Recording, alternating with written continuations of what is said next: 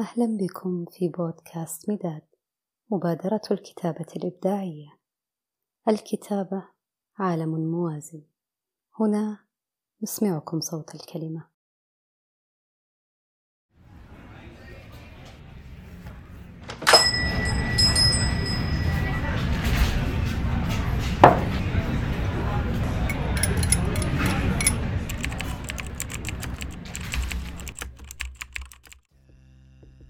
أشعر بارتفاع الأمواج وهدئها. صوت تنفسها الماثل على تلك الوتيرة يصلح كأغنية لسلام العالم. أريد أن أحتفظ بتعابيرها المهادنة قبل أن يغزوها إزعاج المدينة. يحتل راحتها باسم الاستعمار. رن المنبه. ها هي الأمواج قد توقفت عن رحلتها إلى الشاطئ. بدأت العاصفة بالهبوب. يقفز جسدي من السرير سريعا وهو نصف نائم. يخاف أن تستيقظ أفكاره قبله. وتلقي بوعي لماذا أعيش هكذا؟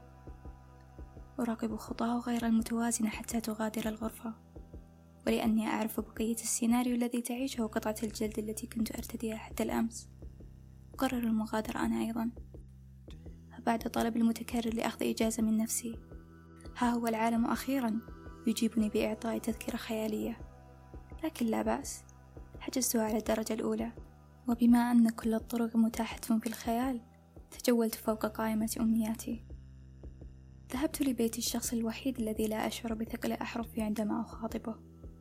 ابتسى وجهي ابتسامة وكأني ابتلعت الشمس بنورها لما رأيتها.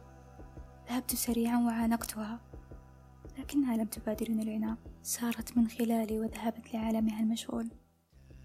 ذهبت لمدينة الألعاب.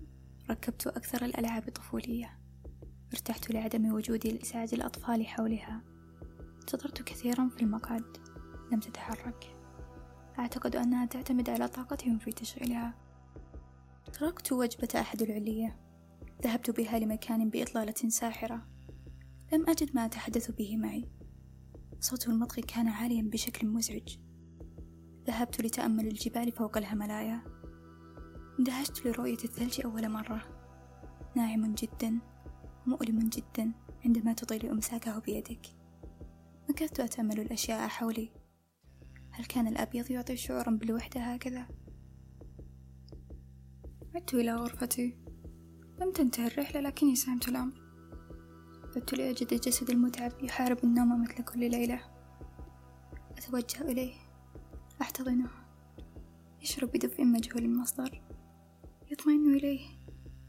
فأرتدي جسدي وننام.